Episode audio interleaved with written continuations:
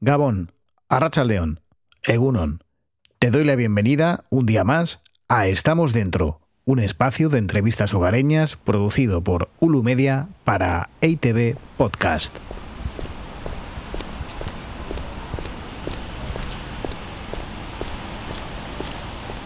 Llueve en el barrio de Guía y más que en otoño, se diría que estamos en invierno por lo desapacible del tiempo.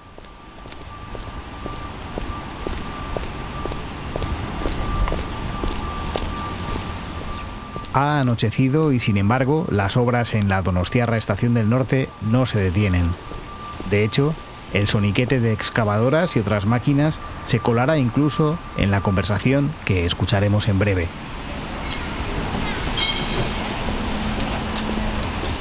Nuestra anfitriona vive a escasos metros del Centro Internacional de Cultura Contemporánea, Tabacalera, verdadero epicentro de la movida audiovisual en Euskadi.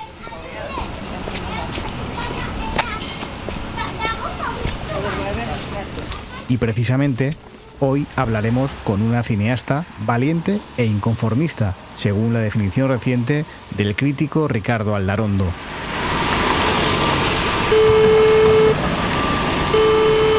Otros periodistas cinematográficos, en cambio, creen que hace películas para un público friki, un adjetivo con el que ella se identifica sin complejos.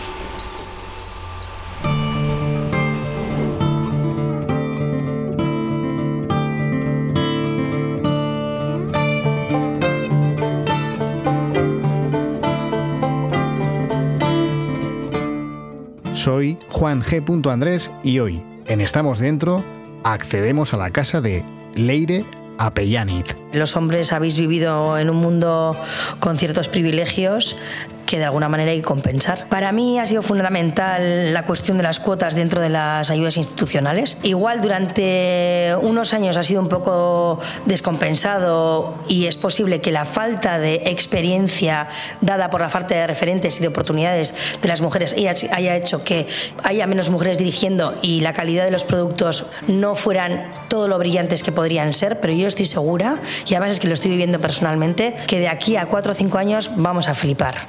O sea, vamos a flipar. Yo estoy leyendo proyectos de, escritos por mujeres y dirigidos por mujeres que son increíbles.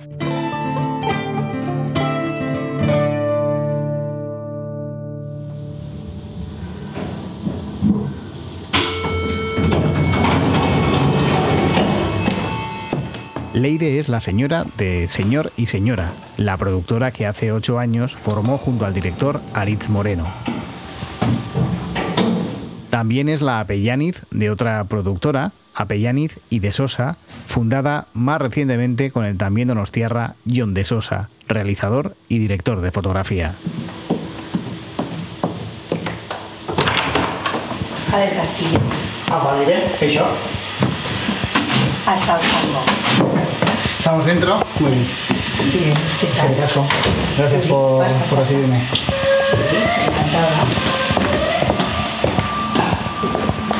Pues nada, eh, siéntate. Al final del pasillo está el espacioso salón, presidido por una gran mesa que durante las tardes se convierte en su oficina. Eh, ¿Esta mesa la podemos utilizar? Sí, claro. Uno se pone aquí y otro aquí y ponemos micro... Lo que, lo que tú quieras. Tengo un poco de lío. porque- No, no necesita mucho espacio, ¿eh? Aunque la de productora es su faceta más conocida, también es directora.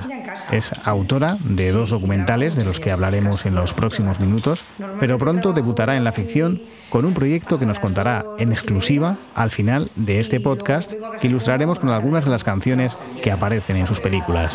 Le voy a escribir a Aldarón, me lo voy a poner para luego y le voy a decir que empezamos ahora. A ver, eh, ¿quieren probar? Probar.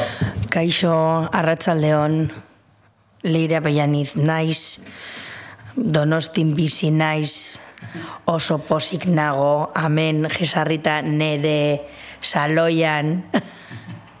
Pues no. Bueno, Leire, pues joder, muy- muchas gracias por atendernos. Eh, es un placer charlar contigo. Y para empezar, yo quería preguntarte eh, algo básico y es qué hace una chica de Galdacao o de Bilbao? Porque hay mucha gente que te sitúa en Bilbao, aunque yo creo que eres de Galdacao, ¿no? Soy de Galdacao. Es que hace una chica de Galdacao como tú, afincada en una ciudad como, como Donostia. Bueno, a ver, ¿te digo la, la, estándar o la de verdad?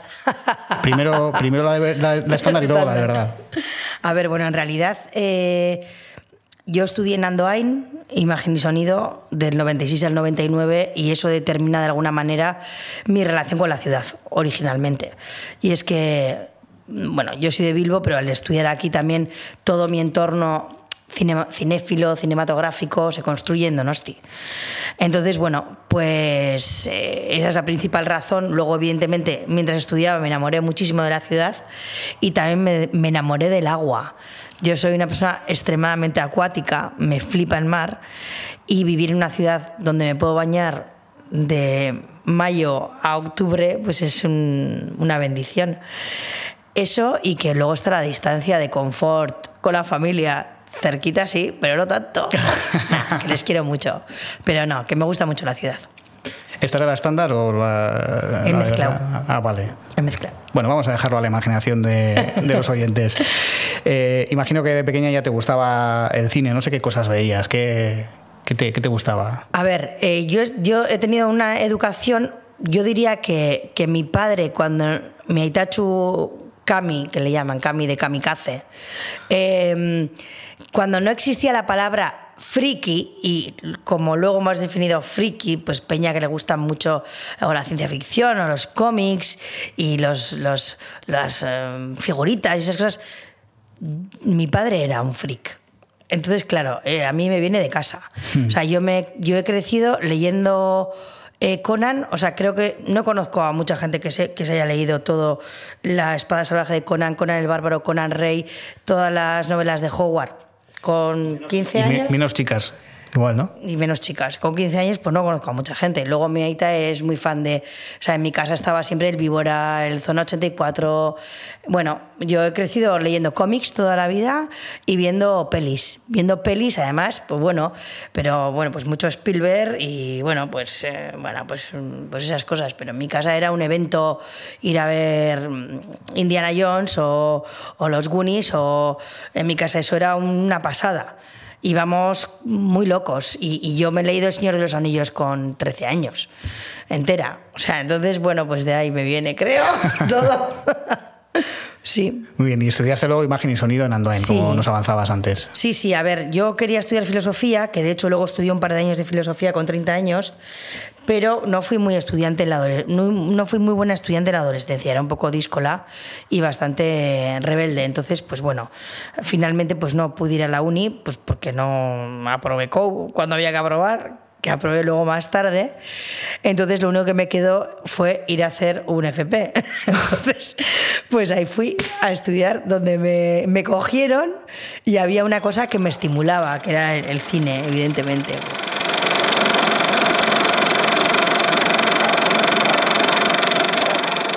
Bueno, Leire, este sonido es eh, ya casi una reliquia. Eh, quería que me explicaras qué es, por si hay alguien que no es capaz de identificarlo. A ver el sonido, a ver qué tal. Qué putada, te, ha tocado la bobina que está golpeada. no, no pasa se nada. Me cayó encima del pie. Yo creo que no habrá problema. No, no, no. Si no me equivoco, creo que es parte de una de mis películas del último verano y concretamente es un proyector de cine de 35 milímetros en marcha. Entonces, bueno, pues una reliquia, sí, por desgracia es una reliquia, pero también en realidad es, es una realidad. ¿Qué vamos a hacer? Seguimos hacia adelante y es cierto que todavía se proyecta en 35 y se rueda en 35. Yo acabo de rodar una película en 16 milímetros, o sea que tampoco creo que sea algo muerto, es algo que ahora está, bueno, pues en un espacio más pequeñito. ¿Qué sientes tú al escucharlo? Te lo pregunto porque eh, has, trabajado muchos años como proyeccionista. Pues honestamente te digo que yo no soy nostálgica de, lo material en absoluto, en absoluto. En todo caso soy nostálgica de las personas y me trae recuerdos vividos del rodaje, de mis amigos proyeccionistas cuando yo proyectaba y sobre todo de Miguel Ángel Rodríguez, que, que es el protagonista del último verano, que es una persona a la que adoro Luego hablaremos de él. Em, toda proyección en una sala de cine casi es un, un, acto mágico y de esa manera el proyeccionista o la proyeccionista podría ser el equivalente a la figura del, mago, ¿no? ¿Cómo vivías tú esa experiencia de, de proyectar? ¿Qué era para ti eh, iluminar esa pantalla blanca con imágenes en movimiento? Eh, es cierto que eres una especie de, sí, de demiurgo eh, que está ahí en la cueva, en realidad. Eh, creo que al final ser el que lleva el relato a otros es, es un placer, creo que no es solo el proyeccionista el que hace eso, también el director es el que hace eso, ¿no? O el productor de las películas, cada uno tiene su papel ahí. Y, y llevar también eso, pues esa, esa ilusión y la alegría de, de recibir lo que otro cuenta y también poder saber que estás regalando ¿no? un rato de, de, bueno pues de lo que sea de emoción de, de ilusión de, pasar bien o de incluso de, reflexionar ¿no? o de agitar conciencias pues es eh, si lo haces conscientemente es muy interesante desde luego Después de trabajar en diversos eh, festivales, en el departamento de técnica de, de, aquí del Festival de Donosti, que está muy cerquita de donde nos encontramos, estamos en el barrio de, de Guía, eh, supongo que atesorarás más de una anécdota. No sé si podrías contar la más chanante o, o, la más friki, por utilizar tu propio adjetivo. Mm. Supongo que ya en, en, el tiempo que te tocó a ti hacer ese trabajo ya no ardía el celuloide como antaño. No, tal, había, pasaban sí? cosas peores. Pasaban cosas ¿Ah, sí? peores. Peor que que se queme la película. Sí, sí, sí. A ver, sobre todo los problemas que teníamos en el Festival de Donosti eran problemas de índole técnico de la propia configuración de la peli. Sobre todo nos, no nos pasaba tanto en el celuloide, en la, cuando proyectábamos en analógico, como cuando pasamos a proyectar en digital. Eh, porque, bueno, la gente que hacía cine y los laboratorios de cine tenían mucha más experiencia y mucho más conocimiento.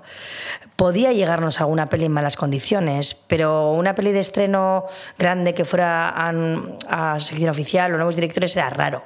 Que, pero bueno, ya hemos detectado eh, eh, copias con, con rayadas, por ejemplo, a la hora de hacer el subtítulo, o, o que de repente eh, tenían el sonido mal ecualizado, es decir, que igual no estaba el canal derecho en el derecho sino el izquierdo, esas cosas nos han pasado y claro, nosotros tenemos un control de calidad tan brutal que nosotros éramos los que los detectábamos y cuando informabas aquello era ardía Troya, efectivamente, porque de repente le dices a un director que le tienes a un director americano súper importante en la sala y que nadie ha detectado eso y que tú te das cuenta y a ver cómo lo resuelves, pues es, es, es un follón. Tu trabajo no se limita, no se limitaba solo a el acto de proyectar la película, sino a revisarla de principio a fin para evitar que hubiera todo este tipo de errores. Bueno, en el ¿no? Festival de Donosti somos un equipo de 40 personas que hacemos eso, es que no era yo. Yo organizo un equipo, organizaba, ahora, ahora es Lucas Yacarino, que antes estaba en Bafici, ahora es el encargado, que estuvo un par de años, tres años ayudándome a mí y ahora se ha quedado el de superjefe y súper bien también. Así que bueno, no sé, ya no creo que haya muchos más tipos de problema, pero él te contaría mejor que yo. Yo ahora mismo lo tengo ya un poco olvidado, porque estoy ya en otro en otra fase, la verdad.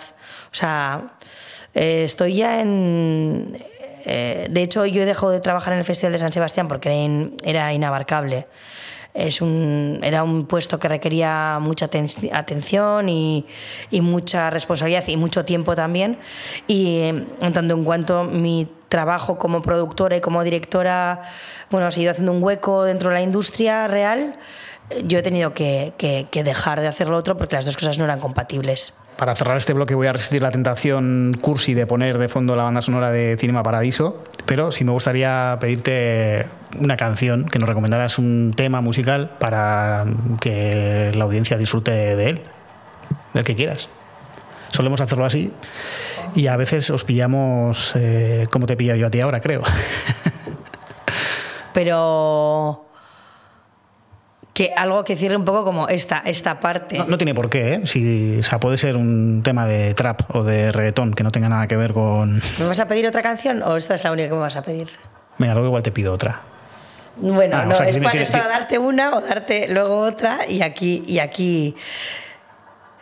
Mira, se me ha ocurrido una cosa, y es que es, una, es la única canción que aparece en, en, en el último verano, que es una canción que pillamos al vuelo, que es una canción que creo que se titula Fly, de Ludovico Inani, y que como en mis pelis a mí no me gusta poner música que no sea diegética, tuve la inmensa suerte de que rodando, creo que la escena más bonita de, la peli, que es un poco el corazón de la peli, que es en un momento en el que este protagonista, Miguel Ángel Rodríguez, reflexiona acerca de qué va a ser su futuro en esta transición hacia el cine digital, arranca eh, la peli de Intocable y arranca con esa canción.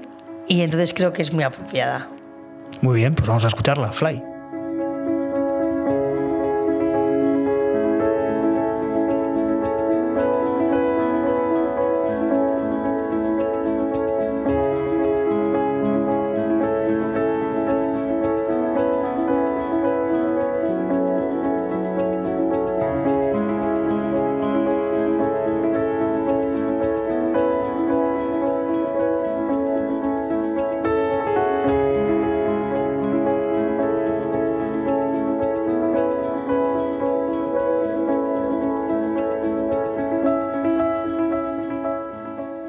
Durante varios años, Leire Apellaniz combinó su trabajo como responsable del departamento técnico de distintos festivales con su labor como proyeccionista ambulante en los cines de verano que visitaban pueblos de la Comunidad de Madrid, Almería y Jaén. Su jefe era Miguel Ángel Rodríguez, a quien después convirtió en protagonista de su primera película como directora, en 2016, El último verano. A medio camino entre el documental observacional y el western crepuscular, en aquella obra relató la experiencia de un oficio y un modo de vida que ya no existen. La primera vez que fui a proyectar no había proyectado en mi vida. Yo sabía montar pelis en sabía montar pelis en 35 y chequeaba, chequeaba pelis en Moviela, pero no había proyectado en mi vida. Y la primera vez fue a proyectar, o sea, nadie me enseñó. Fui con, con, Álvaro Pérez, con otro colega también proyeccionista, que me ayudó un poco, pero al día siguiente ya me dejaron sola. Y allí me iba yo por los pueblos de la Sierra de Madrid, que encima conducía yo fatal, con un coche Forescore blanco que me había dejado Miguel Ángel, que no sé yo cómo no me maté. Iba con el proyector, con la peli, montaba el proyector, la peli, y la verdad es que era flipante, porque, porque cada pueblo es muy diferente. Había pueblos entre como máximo de 2.000 habitantes. Y claro, pero había algunos de 200. Entonces, claro, era todo muy dispar.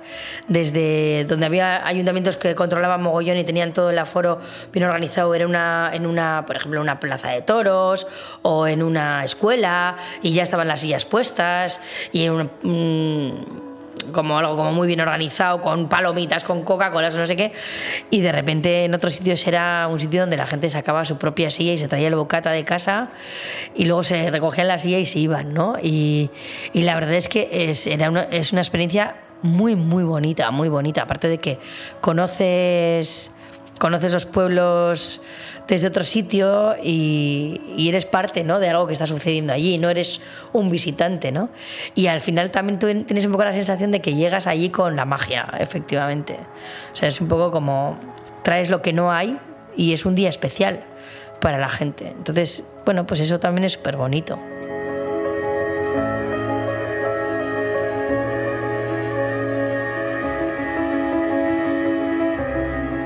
Era mi vida. O sea, en realidad yo estaba preocupada por qué iba a pasar. Yo estaba viviendo esa transición del cine analógico al digital en un contexto más amable, que era el Festival de Donosti, donde también fue complicado y fue duro, pero las herramientas, la propia infraestructura y la, y la estructura económica del festival pues podía afrontarlo con dificultades, porque no, no fue fácil tampoco, y pero era otra cosa. Pero de repente a mí me pareció más interesante relatar esto también desde un punto de vista más social, más político y efectivamente más eh, educativo también y más etnográfico. Y es intentar llegar a todas esas capas. ¿no? Igual fui demasiado ambiciosa, pero fue mi intención.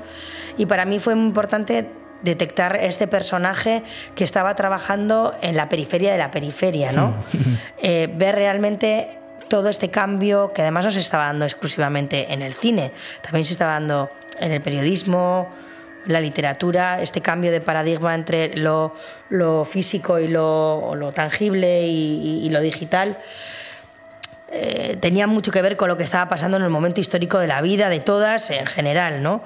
Entonces, bueno, en ese sentido, pues para mí eh, era una oportunidad también de, de mostrar y de pararme en los detalles, de ver cómo se hacía por última vez una cosa de forma rigurosa que ya no se iba a hacer de esa manera más, ¿no? O sea, me pareció que era una oportunidad de retratarlo y que luego, por ejemplo, cuando vean pues alguien una, esta película dentro de 20 años, vea cómo se enhebra una peli. O sea, que no es solo simplemente, ahí hay un proyector de 35 en el que pasan 24 fotogramas por segundo, ¿no? Ahí hay algo más, ¿no? Hay un oficio, se hace de esta manera, se organiza de esta manera. Para mí eso era importante. Y luego también, pues eso, toda la parte del final de, de retratar todas esas máquinas que para mí se convirtieron y se erigieron también en personajes de la película. Mm, mm. Y eso es una cosa que me di cuenta al final, no me di cuenta al principio, no fue una cosa voluntaria. Eh, decías antes que dejaste el trabajo en, el Festi eh, porque querías producir y, dirigir. No sé qué fue primero, producir o dirigir. Eh, a ver, es una cosa muy curiosa y es que en realidad yo ya había dirigido un par de cortos con 20 años, pero como yo soy, como no, bueno, pues supongo que soy muy exigente conmigo misma y bueno, mm, esta pregunta me da una oportunidad de hablar también de, los referentes, ¿no? y de los referentes femeninos y masculinos. Yo no creo que tuviera ni más talento que nadie de mi clase, pero menos tampoco, y creo que soy una narradora nata. Lo que pasa es que creo que al no encontrar referentes yo pensé que yo no tenía las cualidades o la capacidad como para dirigir. Ahora, lo que era obvio era que era una Boy Scout eh, de toda la vida y que he sido alguien como, pues que, bueno, soy capaz de organizar cosas, ¿no? Y entonces, bueno, era obvio que organizaba bien, por lo tanto, producir podía y me exponía menos. Me exponía menos y, bueno, y no, no me atreví. Entonces, ¿qué pasó? Pues que probablemente mi, mi, vocación es más de directora que de productora. Creo que también, de alguna manera, mi perfil de productora está muy caracterizado por mi perfil de directora. Creo que, creo que es obvio eh, las elecciones que estoy haciendo y qué es lo que estoy produciendo en cada momento. Creo que lo que determina los proyectos que al final salen adelante desde Señor y Señora o desde Apellán y de Sosa tiene que ver con, con, la calidad artística y cinematográfica y no, con, y no con solo el valor empresarial, que también, y también tiene que ser, porque si no, no sería sostenible. Entonces, bueno, yo qué sé todo. Me encanta producir también, ¿eh? me gusta mucho producir. Para la gente que no esté familiarizada con, con, eh, con este ámbito, cuéntanos qué hace exactamente un productor, porque existe esa imagen del productor, quizá por influencia de, algunas películas, del Hollywood clásico, ¿no? de como alguien, un ricachón que se limita a poner la pasta con el único interés, decías tú ahora, económico. Eh, no sé, ese sería más bien el productor ejecutivo, que se suele decir, ¿no? Luego hay un productor más artístico. Cuéntanos qué, cuántos tipos de productores hay. No sé exactamente, yo te voy a explicar cómo somos nosotras y creo que es lo más fácil.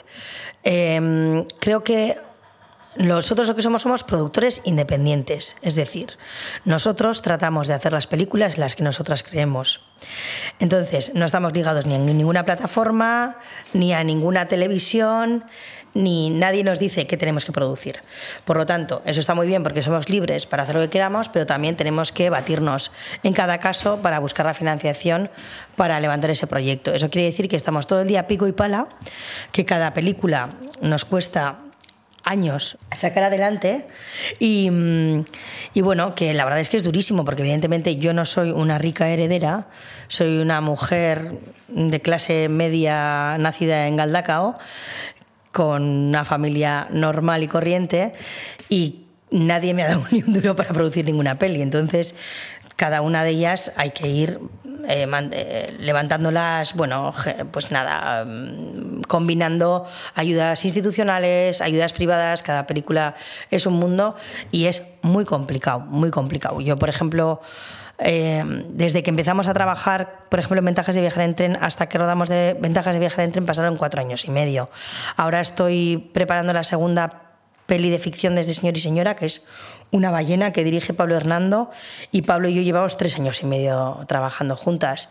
Probablemente rodaremos a final del año que viene.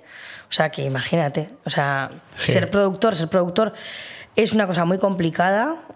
Eh, al final es un gestor de otro dinero, es alguien que elige un proyecto en el que cree y se parte los cuernos para conseguir ese financiarlo y luego llevarlo a buen puerto.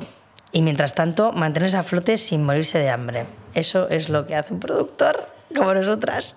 Ojalá cada vez nos vaya mejor y estemos más tranquilas.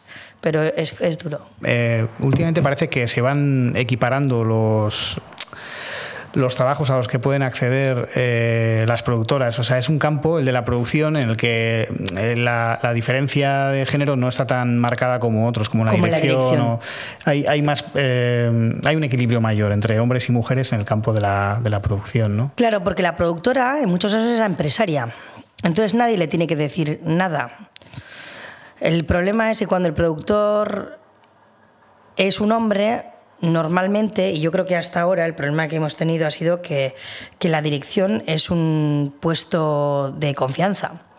Y normalmente se ha confiado, los hombres han confiado más en hombres, y yo creo que las mujeres productoras, de alguna manera, se han visto también como, como llevadas por eso, porque tampoco había muchas opciones de mujeres directoras a las que eh, dar esa oportunidad. Ahora cada vez hay más productoras y somos mucho más conscientes de que somos nosotras las primeras que tenemos que apoyar y, dar espacio y además buscar, buscar conscientemente dónde están esas voces femeninas, quiénes son, ayudarles desde el principio, ayudarles a hacer cortos, que vayan creciendo con nosotras, que vayan cogiendo confianza y acompañarles hasta que, hasta que puedan hacer un, un largometraje, ¿no?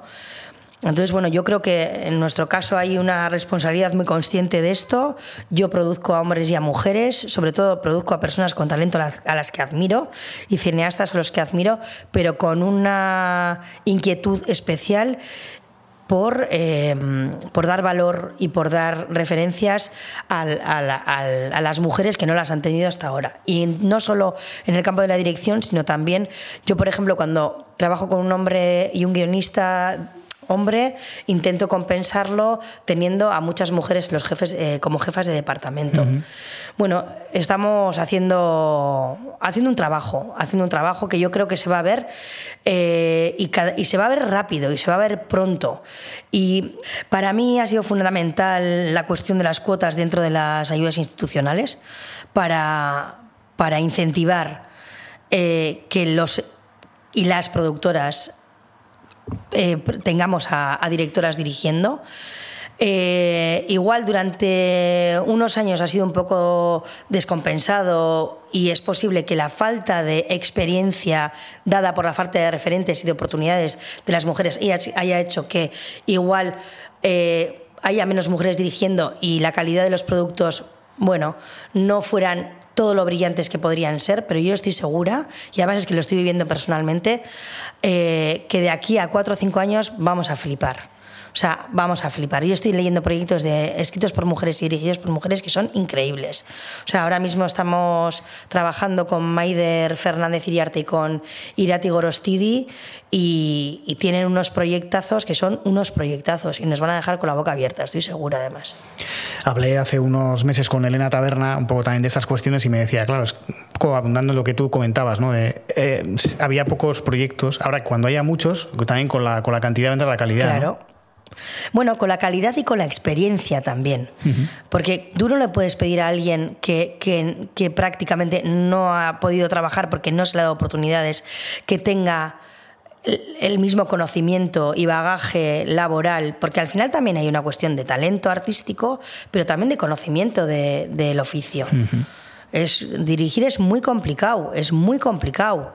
Eh, requiere de muchas cualidades y hay que ir entrenándose también. Entonces, claro, eso también requiere un aprendizaje y un camino a andar. Entonces, claro, pues poco a poco, pero, pero va a estar, va, a haber cosas eh, muy buenas. Vamos a ver cuántos cortos hay en Kimuak el año que viene dirigidos por mujeres. Ahí lo dejo.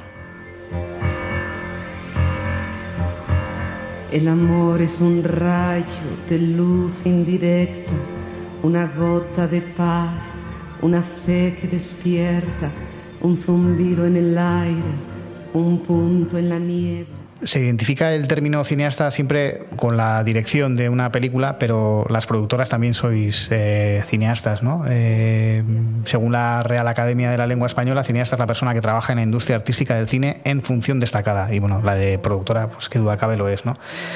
Cuéntame, eh, ¿cómo ves tú la función del productor, de la productora en la creación de la película? ¿Cuánto tiene de creador el productor de una película?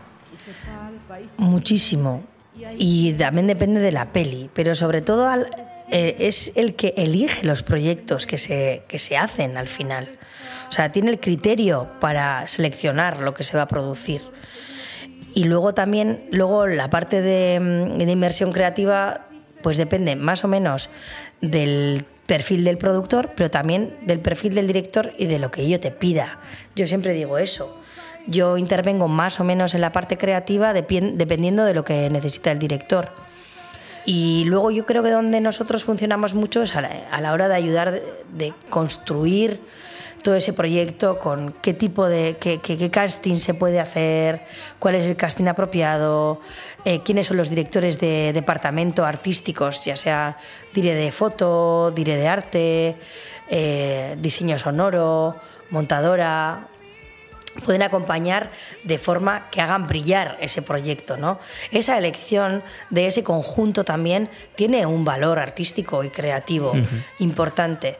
Y luego yo, por ejemplo, participo en general mucho en el montaje. Yo me siento muy cómoda y me, gusta mucho trabajar ahí, porque además yo creo que es un momento en el que los dires a veces han perdido un poco la perspectiva y que si tú te mantienes un poco virgen y les dejas montar pues mes, mes y medio, y entras ya en un primer corte, ahí puedes ayudar un montón y puedes aportar eh, una construcción externa que ayude a que todo sea, mm, se entienda mejor, que la narrativa sea más fluida o sea más emocionante, o sea más misterioso, o sea lo que tenga que ser. Entonces yo ahí, por ejemplo, participo mucho, mucho, mucho, mucho. Yo eh, no voy a decir en qué pelis, pero en alguna peli he sido yo la que no ha aceptado el, corte final y les he mandado a los directores a montar más. No está la peli, hay que buscar más. Todavía no es la peli maravillosa que tenemos que tener. Y se han ido y han vuelto con una peli mejor y creo que ellos están contentas también, porque a veces la gente está muy exhausta también. Entonces ese ánimo, ese último empujón también, esa, esa exigencia de intentar tener la mejor peli que podamos tener, ¿no? Entonces, bueno, pues yo creo que es fundamental y creo que en nuestro caso nuestro valor es ese.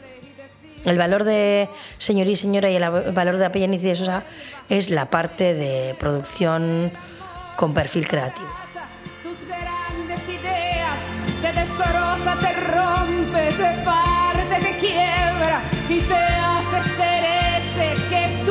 Quisieras y te empuja a ser malo y te deja hecho mierda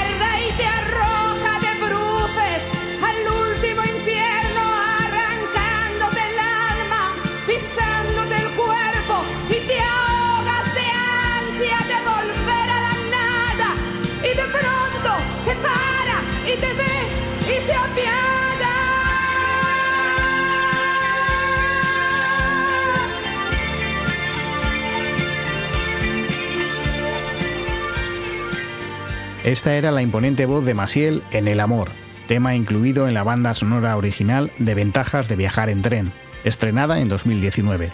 Se trata del debut largo en la dirección de Aritz Moreno, socio de Leira Pellaniz en la productora Señor y Señora, y es, hasta la fecha, su proyecto más importante en términos económicos, en contraste con otros de presupuesto menor, enmarcados casi en el cine de guerrilla. En realidad no es que vaya haciendo una cosa y la otra, en realidad es que hemos ido aprendiendo y hemos ido haciendo cada vez proyectos más grandes, de mayor envergadura, también con mayor financiación lo que sí que combino son proyectos eh, de ficción con proyectos documentales. También nuestros proyectos documentales actuales son de mayor envergadura y tienen más financiación que los proyectos documentales del principio. Em, el último verano costó 30.000 euros, eh, mudar la piel 125.000 creo, eh, y, ahora, y, bueno, y, y, ahora Canto Cósmico también 140.000, ¿no? O sea, sí hay una, hay una diferencia. Eh, y, y, en la parte de ficción, no, estamos un poco más en esa línea. Eh, Ventajas de viajar en tren tuvo un presupuesto de 2 millones y medio, ahora vamos con una ballena con un presupuesto muy análogo. Es cierto que desde Apellaniz y de Sosa tengo como otra línea de trabajo no más underground, sino más autoral, eh, donde nos financiamos bajo el paraguas de otra línea de, de ayuda del ICA, que es ayudas a películas de primer director de hasta millón y medio. Entonces, también eso es un, lo que nos permite, como nos facilita mucho, mucho financiar, porque podemos tener más dinero público. ¿no? Entonces, bueno, cada película te pide una cosa y, y ahora en realidad nosotros lo que queremos es ser sostenibles. Nosotros tenemos que mantener la empresa. Entonces ya no hacemos cosas de bajo presupuesto. Lo que hacemos es ajustar el presupuesto a lo que necesitamos. y, solo y también intentamos hacer proyectos que podamos financiar.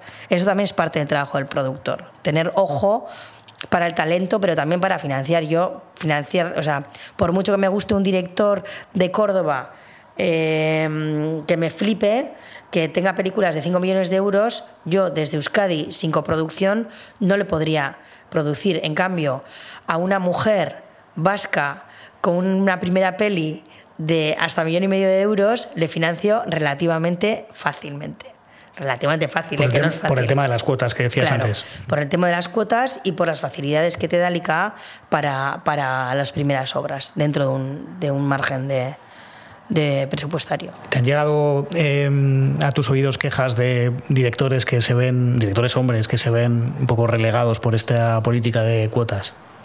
Hombre, eh, algo he recibido. A nosotros, a mí poco me pueden decir, porque yo sigo produciendo a muchos hombres. Em, pero creo que se equivocan y creo que hay que hay que entender que, que, los hombres habéis vivido en un mundo con ciertos privilegios que de alguna manera hay que compensar. Y creo que es obvio que esta es una forma que está funcionando. Igual no es la mejor, habrá otra mejor, no lo sé, esta está funcionando.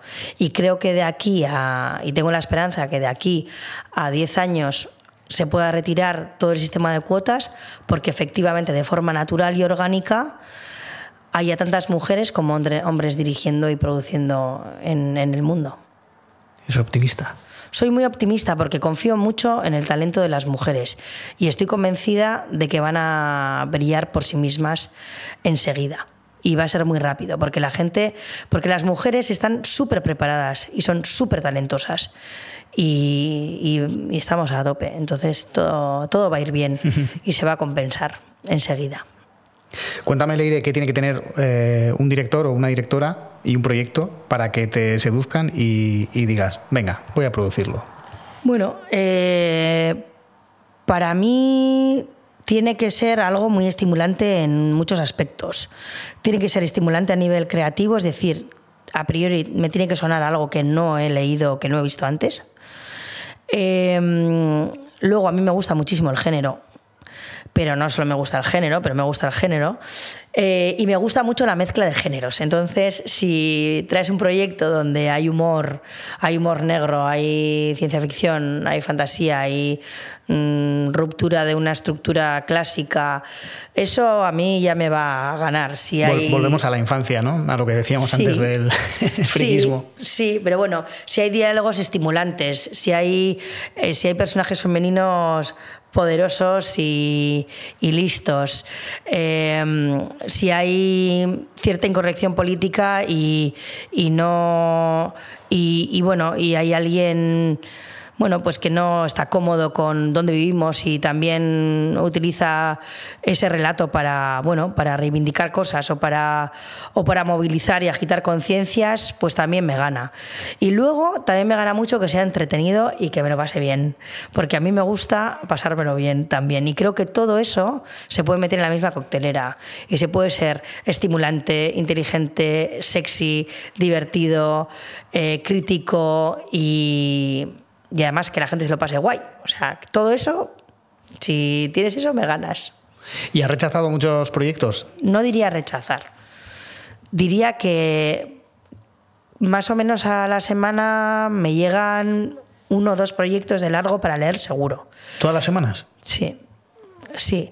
Y gente, bueno, claro, pero es que nosotros tenemos una capacidad muy, muy limitada. Yo puedo hacer una peli, un largo cada año, cada dos años, y un documental cada año, cada dos años, y luego puedo hacer un corto al año, dos cortos al año como mucho, pero no podemos más, somos muy pequeñitas. Y lo que pasa es que tenemos muchos fans y muchas directoras y directores quieren que les produzcamos, pero tenemos que elegir muy bien para ser sostenibles económicamente también y buscar ese equilibrio entre lo que nos gusta mucho y lo que nos va a dar de comer y lo que podamos financiar con cierta facilidad. Por eso también, por ejemplo, que la directora o el director sea vasco es fundamental, sobre todo en las pelis que lideramos nosotras.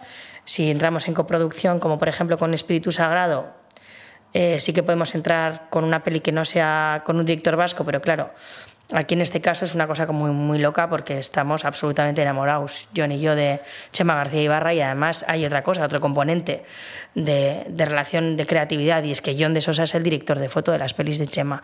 Entonces también hay un vínculo también artístico muy, muy fuerte, ¿no? Entonces en muchos casos hay, hay un vínculo artístico también. Entonces, bueno, pues un poco de todo eso. Uh -huh. Lo bueno de tener un hijo subnormal es que no tienes que preocuparte de que te lo roben. Lo malo es que es subnormal. Bueno, pues así con esta frase comienza Espíritu Sagrado, que es el nuevo trabajo que has producido en Apellaniz y de Sosa. Se trata justamente de otro debut largo, en este caso de una ficción dirigida por Chema García Ibarra. Dime qué pensaste cuando leíste esta frase en el guion. Hombre, pues es una frase bastante cabrona, la verdad. Pero bueno, es obvio que, que, es una declaración de intenciones, que, que nos está diciendo que no vas a ver una película políticamente correcta, pero creo que sí muy humana. Y creo que de eso habla. Entonces, nada, yo creo que te predispone a, y te sitúa en un sitio para que estés, o sea, te despiertas si tienes un momento de, de como de no estar, estar un poco despistado, te, te, come, te, te, lleva a la pantalla y ahí te quedas clavado. Sí, sabes que vas a ver algo diferente. Poco, sí. sí, yo creo que vas a ver una cosa muy diferente. Sí, sí, sí. Cuéntame cómo te vendió Chema García Ibarra la, la película, ¿no? porque es una es una historia loquísima, ¿no? Una mezcla de ciencia ficción, eh, comedia costumbrista, eh, trata sobre un grupo de vecinos que esperan el advenimiento de un ovni, ¿no? En un barrio de Elche donde suceden cosas muy, muy extrañas y, claro, no sé cómo, cómo te sedujo lo que hablábamos antes, ¿no? A ver, yo soy mmm, súper fan de, de. Chema de siempre. O sea, yo soy fan del mundo que, que, que, que cuenta eh, Chema. Entonces, para mí era algo tan natural y además tan necesario que Chema diera el paso hacia una peli que para mí era algo como eh, muy orgánico. Además, nosotros habíamos producido su anterior corto, que era Leyenda Dorada que codirigió con John de Sosa y sus dos últimos cortos ya los había hecho con John, como diré, de foto. Entonces ya había cambiado de, del vídeo al, al, 16. Entonces fue algo súper orgánico, pero lo que fue fascinante para mí fue leer el guion. Porque de repente tuve la sensación de que, de que había madurado un mogollón y que de repente teníamos una cosa que era un engranaje perfecto. O sea, era increíble cómo encajaban todas las piezas, lo poco que hubo que hablar con él, porque, a ver, yo es una persona a la que admiro enormemente. O sea, creo que es uno de los directores más talentosos que yo conozco. Yo a veces con otros directores trabajo y hablamos del guion, discutimos, eh, lo ponemos en común con otros y tal. En este caso es que prácticamente el guion que nos presentó, salvo cosas muy, muy pequeñas, es la peli que habéis visto. Es que además no solo estaba escrito, sino que estaba rodado y está montado igual.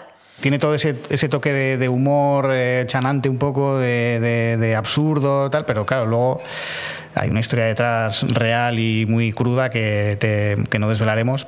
Que, bueno. Es que la peli es un thriller. Es que la peli es un thriller. Y es un thriller cabrón, además. Lo que pasa es que tiene esa pátina de como de ternura, como de personajes como entrañables, con ese punto como de humor, eso, levantino. Y creo que, a través de Naikari y Piña me llegó una. Un, una definición de la peli de, que hizo Eugenio Mira, que creo que era un, em, un zumo de levante. O sea, la peli es un licuado, un licuado. Era un licuado de levante. Es así. Es así, con todo lo suyo, con, con, toda la España negra, con, con Alcácer y con toda la mandanga. Pero es que eso es así. Y esa mezcla de, de gente que va al médico y a la vez al curandero y que, bueno, eh, trabaja en un bar y a la vez es alguien absolutamente fan de, de la ufología y que realmente se lo toma en serio y no es el único, ¿no? Entonces eso, eso se da allí. es así.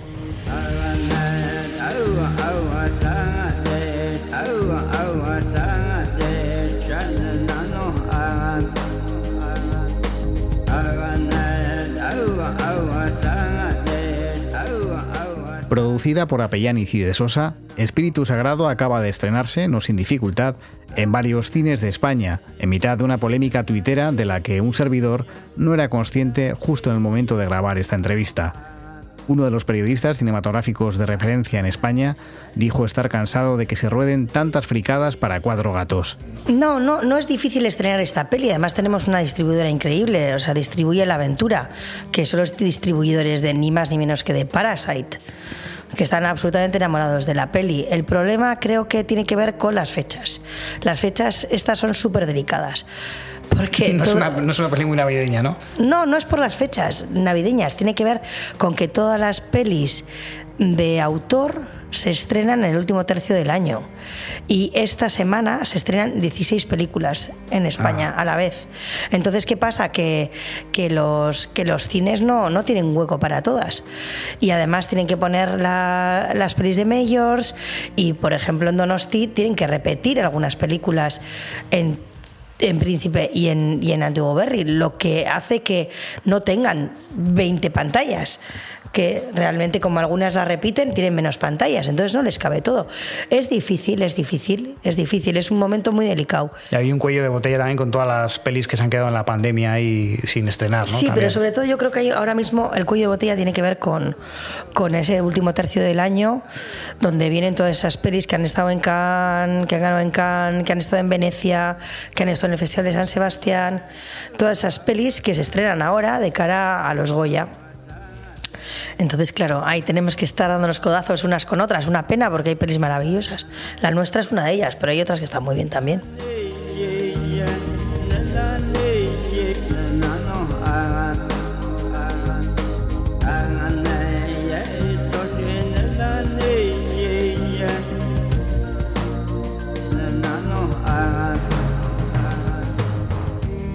¿Cómo es esa lucha totalmente desigual entre, pues eso, ¿no? Entre, primero, entre películas que podéis estar un poco en una cierta sintonía, ¿no? El cine de autor.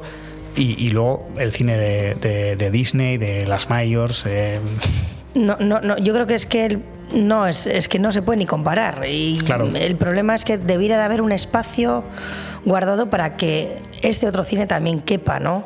O sea, en los franceses que son los más listos tienen un cupo. Y ya está. Y hay que respetar ese cupo.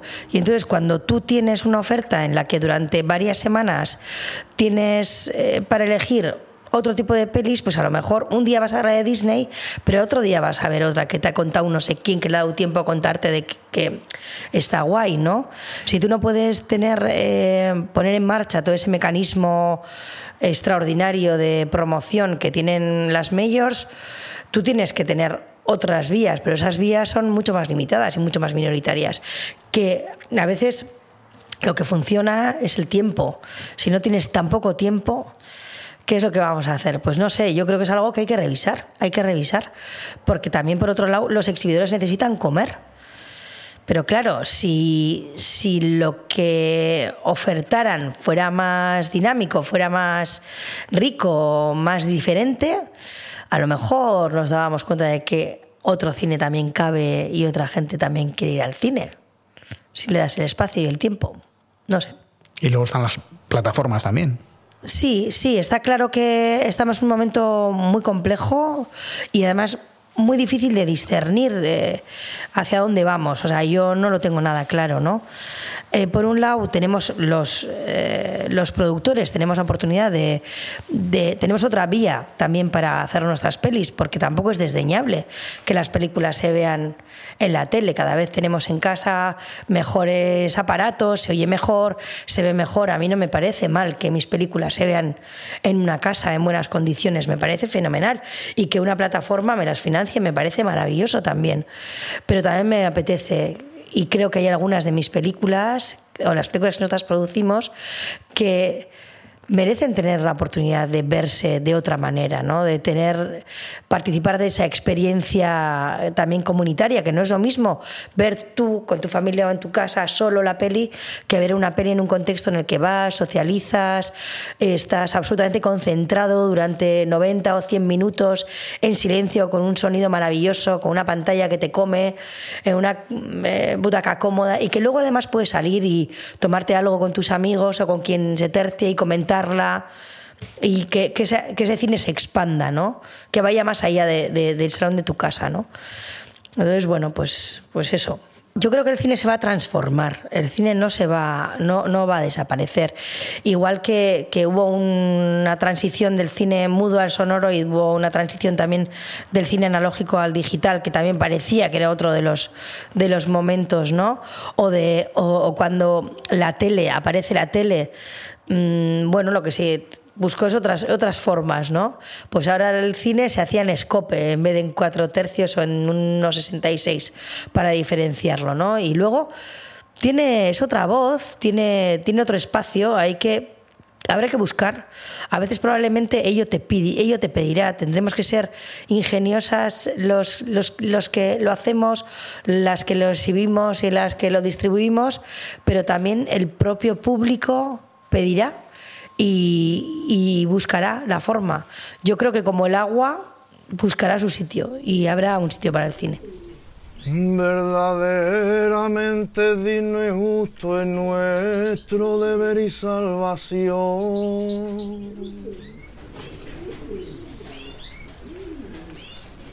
El darte gracias siempre y en todo lugar. Sin movernos de ciudad, de espíritu sagrado pasamos a otra película, Canto Cósmico, presentada también en el reciente Festival de Sevilla. Se trata de un documental sobre el polémico cantaor, Niño de Elche, que Leire ha dirigido junto al alicantino Marc Sempere.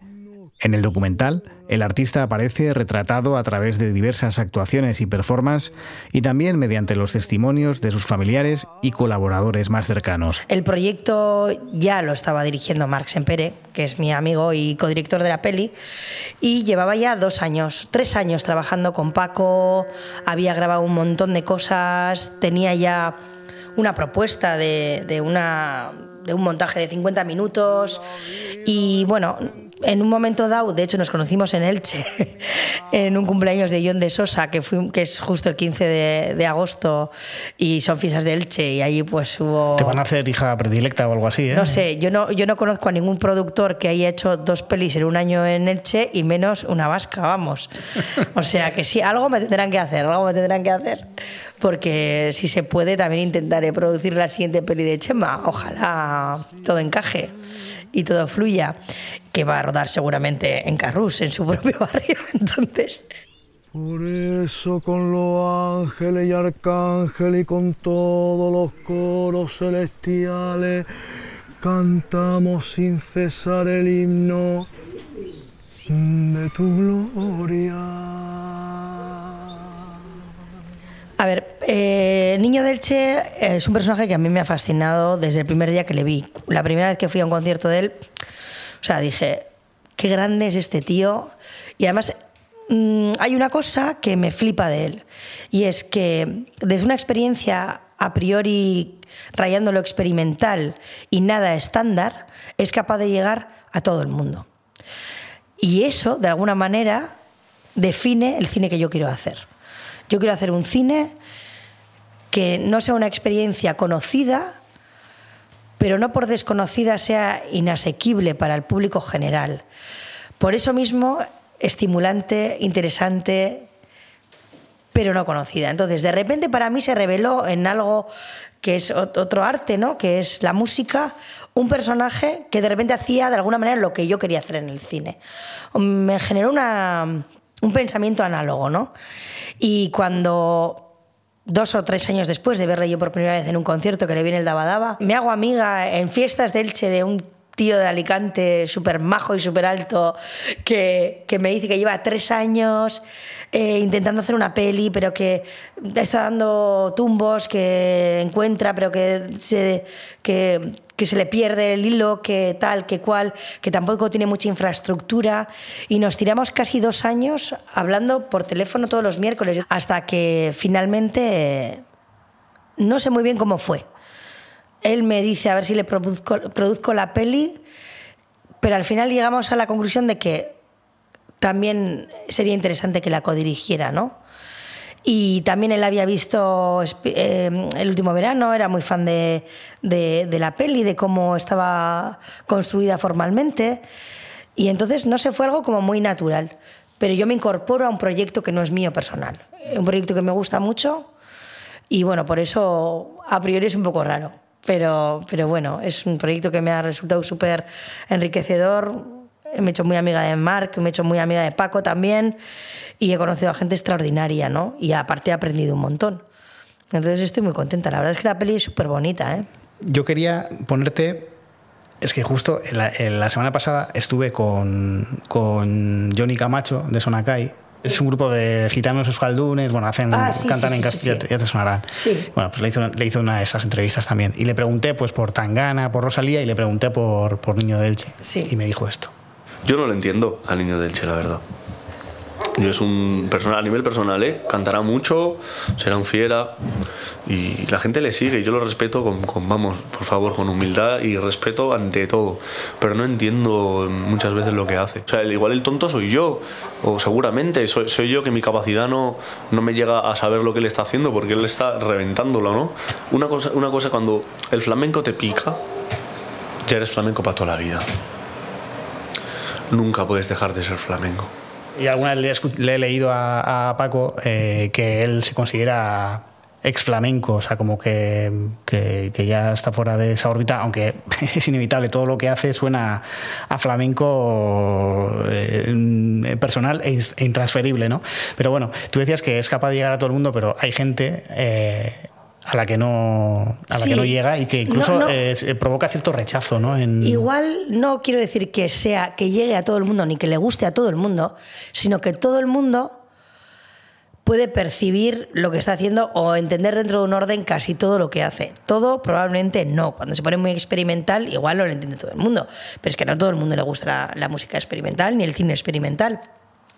Y no creo que tenga que ver con ser listo o ser tonto, sino con una, con una sensibilidad artística y un interés particular por acercarte a otras formas mm, artísticas, ¿no?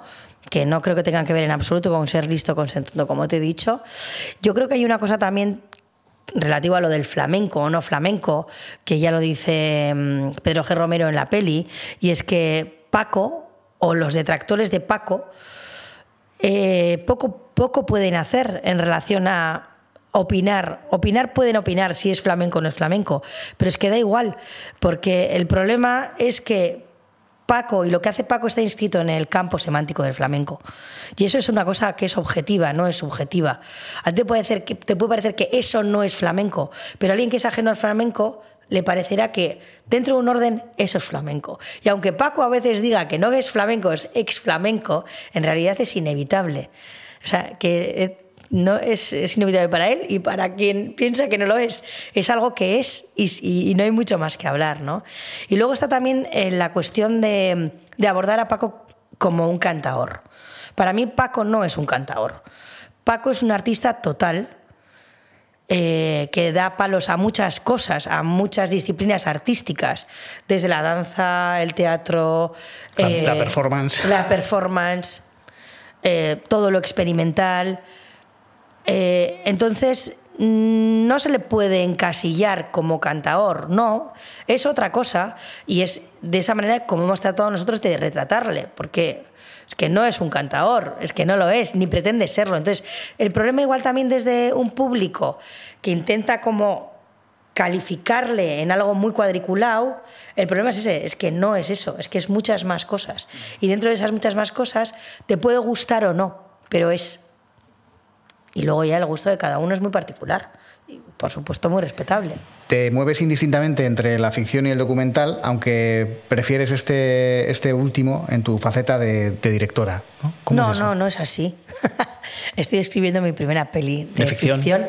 de ciencia ficción, que es una peli que se llama Suría, que sucede en Bilbao en el año 2077 y es una película decreciente. Es una peli con una estructura muy curiosa, es una peli ecologista, feminista y, que empieza como una peli de aventuras, casi podría ser una cosa como de, de, Catherine Bigelow. La parte central es una especie de drama costumbrista feminista y acaba, o eh, pretendo que acabe siendo una especie de retrato de, de seres de la naturaleza. Casi diría que documental, pero no quiero utilizar esa, esa palabra porque creo que da un- una idea un poco equivocada. Entonces, bueno, pues es una peli que protagonizan una madre y una hija que tienen como misión salvar a unas eh, adolescentes de 17 años que están en una especie de torre en Bilbao. Ellas son las niñas torcidas y curiosamente eh, ellas que van a salvar a, a- a las niñas torcidas son las que realmente son salvadas, ¿no? Y bueno, en rollo Si yo, fuera, si yo fuera productor, te la compraba. y no has visto el dossier, que es súper guay. Bueno, estamos ya en desarrollo. Ya nos dieron ayuda de desarrollo del gobierno vasco hace un par de años. Bueno, el año pasado, perdón. Y ahora ya entregamos una primera versión de guion. Es una coproducción entre Sayaka y Señor y Señora. O sea, producimos Naikari Piña y yo. Y dirijo yo. Naikari Piña es la que suele producir a Vigalondo. Sí, Naikari Piña produce a Vigalondo, A a Cobeaga. Cobeaga, a Borja Crespo, a Coldo Serra y creo que hasta ahí. Y, me ha producido mi primer corto de ficción que se llama La Concha y que estamos ahora montando también. O sea que por eso o sea, trabajando. te has pasado a la ficción ahora. Me he pasado a la ficción. Bueno, tengo muchísima ilusión por dirigir ficción. Siempre me ha gustado. Me gusta mucho el documental, pero también es cierto que es que es más fácil. Es más fácil eh, conseguir financiación. Entrar ya en una dinámica de ficción requiere mucha complejidad y aparte que pues también tengo que aprender cosas. Me, siento, me sentía más cómoda y ahora pues estoy ahí. O sea, estoy todavía en un proceso... O sea, nunca había dicho esto, ni lo había Exclusiva. escrito lo que te acabo de decir, ¿eh? O sea, que lo ponemos muy en, entre, o sea, muy en cuarentena, ¿vale? Son mis imaginaciones. Creo que a final de año voy a tener una primera versión de guion, pero creo que todavía le va a quedar como un año de trabajo. Que empezaremos ya a localizar, ya a buscar financiación ya seria, pero en paralelo mientras sigo escribiendo. Todavía creo que me queda un año de darle duro antes de empezar a buscar financiación seriamente. Antes de recoger los bártulos, le pido a Leire Apellaniz que nos abra la caja fuerte de sus proyectos más inmediatos. Desaparece un instante y regresa sonriente con el ordenador portátil bajo el brazo.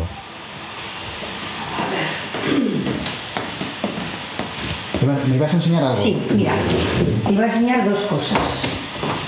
Te voy a enseñar un dossier de una ballena, que me hace ilusión que lo veas. Y te voy a enseñar también. Y te voy a leer los, los, los loglines. Ah, vale. ¿Vale? Guay. Que ahora estamos obsesionados, en Eco y yo, leyéndonos los loglines de las pelis que salen de Netflix. Nos quedamos, no vemos las pelis porque no nos gusta casi nada de lo que hay en Netflix, pero eso no sé si se puede sacar. Bueno, pues igual. Luego no te producirán en Netflix, pero. Y ya está, bueno, no, no van a oír esto. Algunas pelis de Netflix ya nos gustan, pero pocas. Entonces, eh, le- nos, da, nos quedamos ahí en bucle leyéndonos los loglines, porque queremos saber cómo se hacen los loglines. Y es muy interesante esto. Entonces, mira, esto es el dossier de Suría. Ajá. para que lo veas. Eh, es una especie de soldado. Bueno, esto en realidad hemos cogido una, una imagen de, de una peli de la Rain y te leo. Bilbao, Suria, 2077. El desastre climático ha llegado a un punto de no retorno. Carmen y su hija de nueve años, María, se unen al comando ecoterrorista Extinción Rebelión. Lideradas por las niñas torcidas, su objetivo es revertir el destino del planeta, emprendiendo una nueva vida que incluya a la naturaleza en sus planes futuros. Ajá. Eso es. Y aquí, bueno, pues esto te digo para que veas un poco cómo- mira, los personajes como son de guays, ¿eh? Son muy guays. Y luego. Un dossier currado, ¿eh? Sí, Joder. sí, y este es el de desarrollo, ¿eh? Ahora tenemos que hacer el de.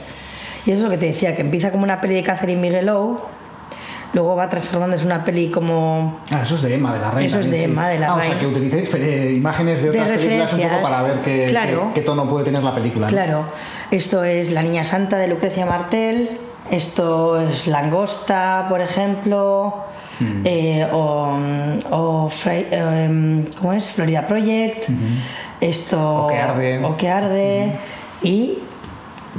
¿Qué es esto? Mad Max. Ah, vale. Mad Max. Y la peli, bueno, esto por ejemplo es Jupiter Ascending porque, porque las Wachowski también hicieron un Bilbao del futuro, entonces bueno, pues para, para ilustrarlo de alguna manera, pues está aquí en el dossier. Y luego es toda la parte de la naturaleza, de dónde vamos a ir a rodar y acabaríamos la peli en Urdaibai. Anda. Urdaibai. Y esto es Suria, que es super chuli. Y luego te voy a enseñar rápidamente. ¿La vais a hacer en euskera o.? No, No. no creo. Eh, es posible que sea bilingüe, es posible que hablen en inglés, en euskera y en castellano, eh, no sé si hablan en un esperanto extraño. Eh, son cosas que todavía están por definir. Ahora mismo estamos escribiendo en castellano, que yo por desgracia me siento más cómoda, me encantaría decirte que me siento más cómoda escribiendo en euskera, pero no es verdad. Em, y bueno, pero luego ya, ya veremos, ya veremos. Estamos todavía trabajando para enseñar una cosa muy guay. Y esto es una ballena, que es una preciosidad. Es un dossier que... que, Ah, que es Ingrid es Ingrid. sí. Y esto ya son fotos hechas específicamente para, para, para la peli, para el dossier. Ingrid es una asesina a sueldo solitaria, no falla, no deja rastro, nadie sabe de dónde viene. Ingrid no es del todo humana. Toma ya. Ahí te lo quedo. Ahí, ahí lo dejo. Chúpate esa, Netflix. Chúpate esa. ¿eh? Netflix. Netflix. Y entonces, bueno, pues ya aquí hay ya un currazo, esto está a otro nivel de dossier. Está más avanzado, ya hicimos fotos con, con Ingrid que hizo Javier Bernal, precisamente que es nuestro jefe de vestuario, pero también nos hace fotos maravillosas. Hombre, y, Nico. Sí, y el dossier, Salvador. y el dossier lo ha hecho Walihai con, con Ignacio también, con Rumano Con Romano Power. que es con quien trabajamos siempre y la verdad es que estamos súper contentas porque nos hacen unos dosieres. Estos, los bocetos, el monstruo, lo está diseñando Andrea Chiampo, que es un conceptual artist eh, italiano que trabaja en, en Londres para, para mm, Disney y así, es, es una máquina. Y estos son todos los bocetos del muñeco y esta es una Esto versión... no sé si es spoiler.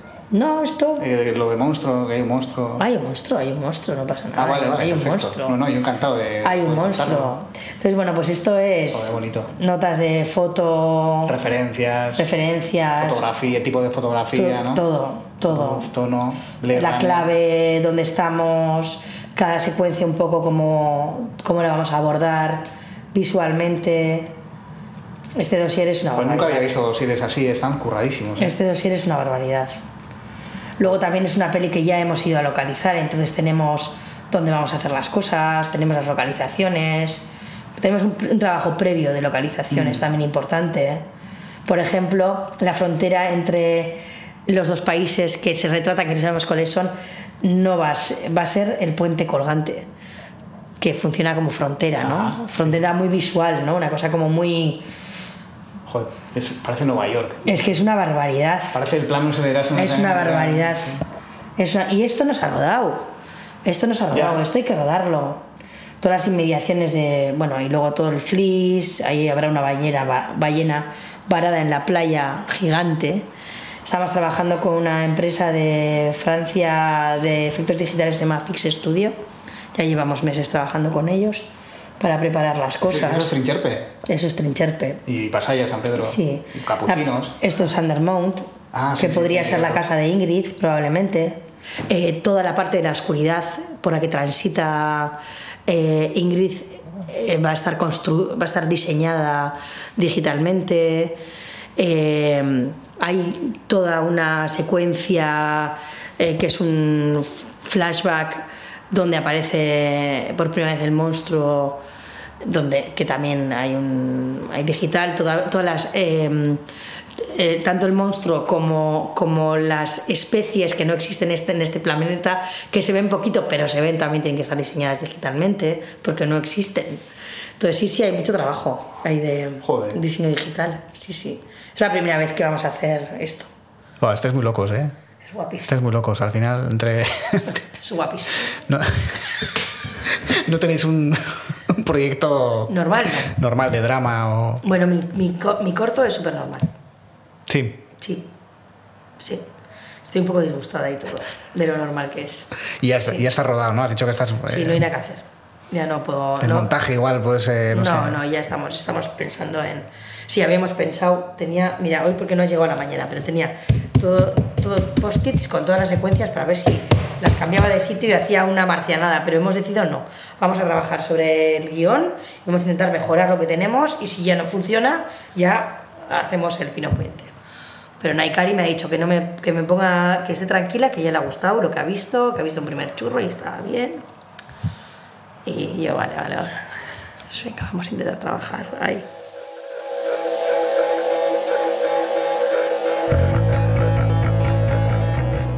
Bueno, Leire, pues eh, con esta exclusiva de tu primera, del proyecto de tu primera película de ficción, nos vamos a ir despidiendo, pero antes, eh, lo prometido es deuda, mm, vamos a despedirnos con, con una canción, con otra canción que nos recomiendes. Vale, te voy a recomendar una canción que es la única canción que sale en el corto que he dirigido recientemente, que bueno, estará, está en montaje ahora mismo, que, mm, que es la canción de un grupo de chicas de Pamplona que se llaman Melenas, que hacen una versión súper chula de, de Iceberg de Grauzone, en este caso titulada Osa Polar, que es una cosa maravillosa.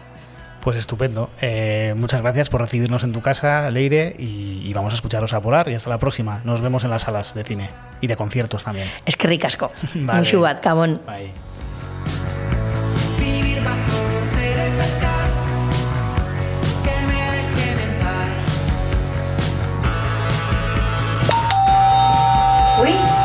Yo creo que va a llegar. A ver, Ángel Aldalondo, por favor. Oye, Torri, Gurechepa. León. ¿Y yo? Servus, ¿qué traes? Son no, pues unas anchoitas del pueblo Ay, qué majo, qué bien. para ti Pues qué y ricasco. una cervecita para mí. Muy bien. Es que yo no bebo.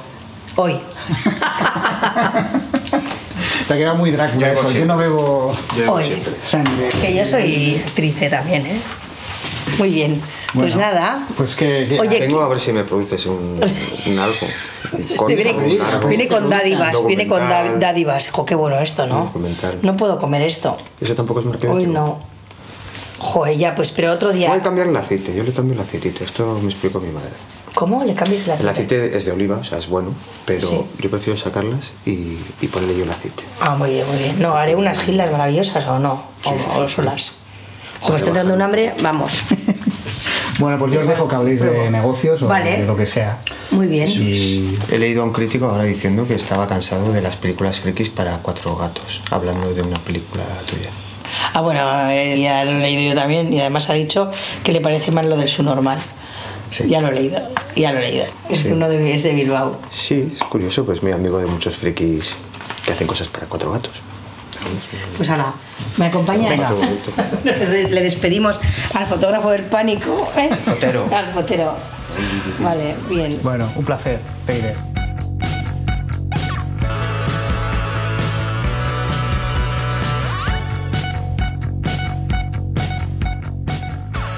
Y ahora sí, después de esta especie de escena postcréditos, dejamos a Leira Pellaniz hablando de futuros proyectos con el realizador Ángel Aldarondo y nos despedimos con Osa Polar de las pamplonesas Melenas.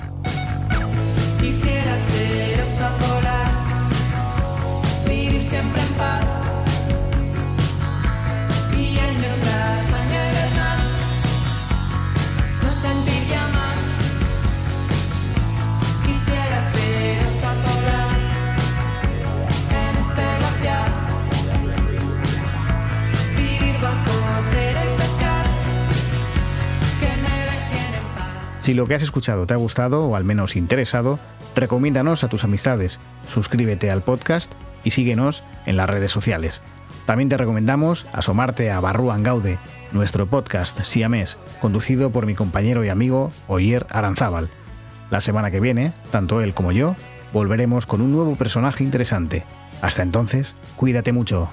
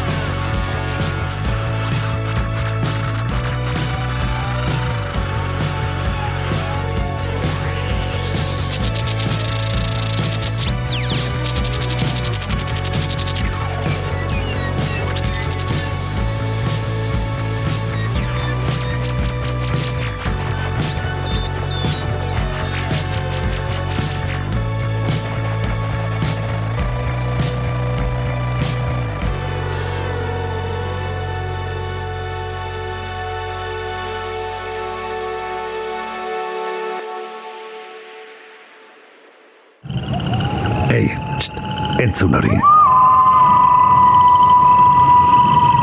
Ulu Media.